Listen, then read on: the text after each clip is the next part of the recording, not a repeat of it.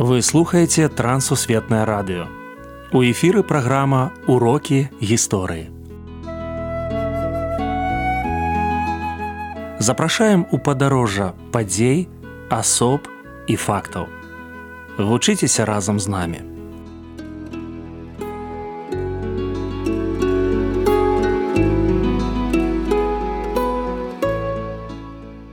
Добры дзень сябры, перад мікрафонам сяржук брышцель і кандыдат гістарычных навук Андрусь унучак сёння мы паговорым пра газету светач хрыстовыя навукі прывітанне Андрусь прывітанне сяржук. Прывітанне шаноўныя слухачы. Беларускі пратэстанцкі друк у міжваенны час калі казаць пра беларускі пратэстанцкі друк а гэта пытанне вельмі такое важное і вялікае пытанне то мы павінна сказаць пра вялікае іванскае прабуджэнне якое было ў 20 30 гады ў заходняй беларусі У той час адбывалася нешта незвычайнае для нашай краіны для нашага грамадства чаго не было ўжо 16 стагоддзя. Мноства людзей зацікавілася словом Божым зацікавілася евангеллем і евангельскія церквы пачалі вельмі хутка расці. Притым что трэба сказаць что пасля першай сусветнай войны калі была вялікая хваля бежанства просто людзей вывозілі здымалі з наседжаных месцаў то у беларусі было вельмі мала святароў і таму прапаведнікамі станавіліся людзі якія ці вярталіся з эміграцыі ці вось зусім недавно пакаяліся тут у сваіх вёсках. Не так было шмат служыцеляў і не так было падрыхтаваных святароў не так было іх много ў нашым грамадстве. І таму друг займаў вельмі важное месца. Беларусь заходняя Беларусь гэта беларускамоўны вялікі абшар і таму ўзнікаюць беларускамоўныя друкі ўжо з двадцатых гадоў. На вось напрыклад такая газета дух і праўда якую выдаваў галяш леўчык у 1927 годзе. Гэта была такая газета якая служыла дадаткам да польскай газеты пельгжым польскі польскай пратэстанцкай газеты метадыскай таксама была газета новы шлях і мы можемм сказаць што была беларуская балонка у газеце маяк якую выдаваў лукаш дзекуць малей якую пісаў лукаш дзекуць малей і у гэтым жа шэрагу стаіць і светач хрыстовай навукі які выходзіў з 1935 по 1939 гады. Андрусь месца светача хрыстовай навукі сярод евангельскіх выданняў трэба сказаць что гэта магчыма ну самая такая буйная і самая доўгатэрміновая газета. То бок яна выходзіла чатыры гады. Я кажу про беларускамоўна mm -hmm. я зразумеў. І у гэтым сэнсе яе месца мае такую выключную.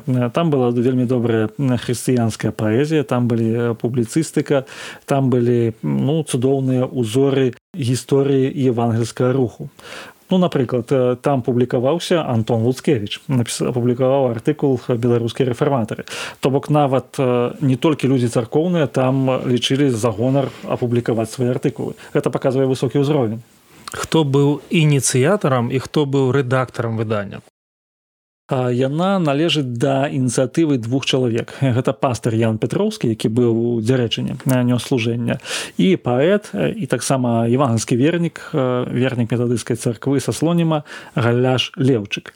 Яны запрасілі у свой калектыў таксама выдатнага евангельскага паэта владислава берніковича які стварыў таксама вельмі добрыя узоры хрысціянскай паэзіі якія публікаваліся у светачы хрыстовыя навукі. І таксама вось гэтыя два чалавекі праводзілі ну працу сярод беларускай інтэлігенцыі. І галяш леўчык і ян петроўскі. Яны імкнуліся быць блізкія да беларускай адукацыі ствараць беларускія школы. Яны асабіста мелі знаёмства з многімі беларускімі літаратарамі музыкамі мастакамі.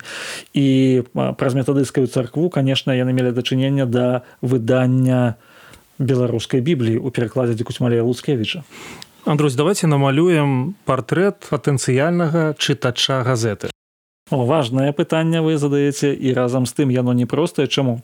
Таму што на сённяшні момант мы ведаем што гэта газета распаўсюджвалася як праз продаж так і па падпісцы. У асноўным выпісвалі яе прадстаўнікі ну інтэлігентных прафесіяў. Гэта былі настаўнікі у асноўным сельскія настаўнікі.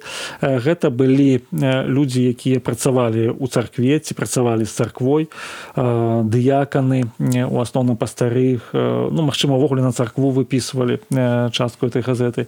І канешне выпісвалі тыя людзі якія цікавіліся ўвогуле беларускай літаратурай. Таму што беларускія выданні асабліва хрысціянскія яны не былі аж такімі ўжо распаўсюджанымі. Ці захаваліся арыгіналы арыгіналы захаваліся аднак на сённяшні момант яны з'яўляюцца рэдкасцю. Нідзе няма поўнага збору вось гэтай газеты. Таму што яна выходзіла і пазней на эміграцыі але вось гэтага міжваеннага перыяду 35 39 год частка ёсць у вільні яна захоўваецца частка відавочна ў варшаве у лёндане частка ёсць адзін асобнік у нацыянальнай бібліятэцы ў менску сканаваны а такое поўнага збору светача хрыстовай навукі яе не існуе нідзе і вось адна з задачаў нашай гістарычнай навукі і можа быць справа гонару на нашай культурнай супольнасці менавіта сабраць усё разам і адкрыць вось чытачу доступ напрыклад на нейкай пляцоўцы інтэрнэт пляцоўцы каб кожны мог пачытаць гэтай газеты. Ну а сёння мне сучаснаму чалавеку дзе можна пазнаёміцца са зместом са зместам можна пазнаёміцца ну менавіта у тыя што у віленскіх бібліятэках яны ўсё адсканаваны яны ёсць на онлайн вывешана таксама сканавана наша нацыянальная бібліятэка альбо паехаць у варшаву і там ужо арыгіналы чытаць таксама арыгінал аднаго нумару з калекцыі сцяпана дмітриевича пекуна дыяка на берасейскай царквы ёсць у нашай нацыянальнай бібліятэцы можна папяровы варыянт пачытаць а у астатнім ну то трэба проста ехаць па тых месцах дзе яна захоўваецца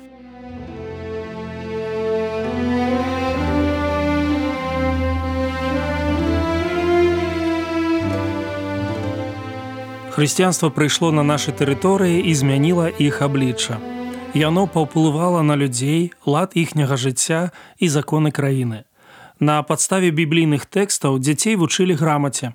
Дзякуючы полацкаму першадрукару францыску скарыне, Біблія выкарыстоўвалася ў якасці беларускага буквара.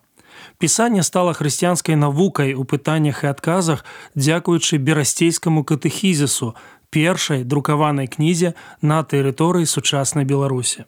Нават сёння хрысціянскія каштоўнасці з'яўляюцца неапісанымі правіламі ўзаемаадносінаў паміж людзьмі.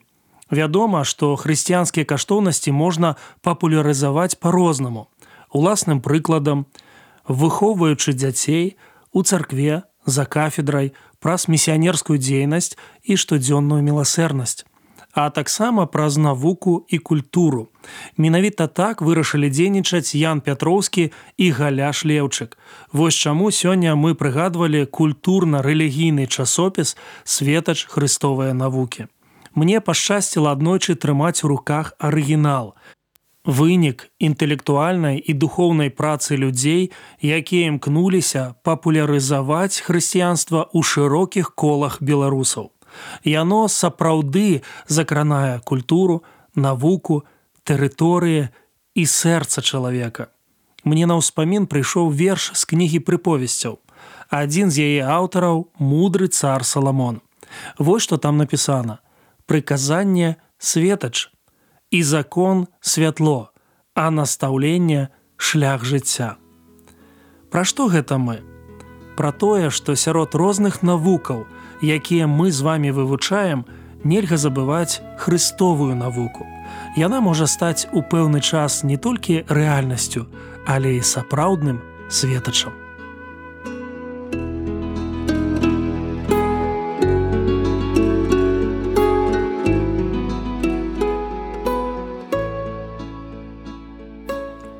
Дзякую, што далучыліся да нашага праекту. Калі ў вас ёсць пытанні, пішыце каля ласка на адрас. Трансусветнае радыё, урокі гісторыі. Паштовая скрынка 45, індекс 22 40 20, горад Брест 20, Беларусь. Пакідаю для сувязі электронную пошту rmtwr.by сабачка gmail.com. Шукайце нас на сайце twr.com кропка FM. До новых сустрэч!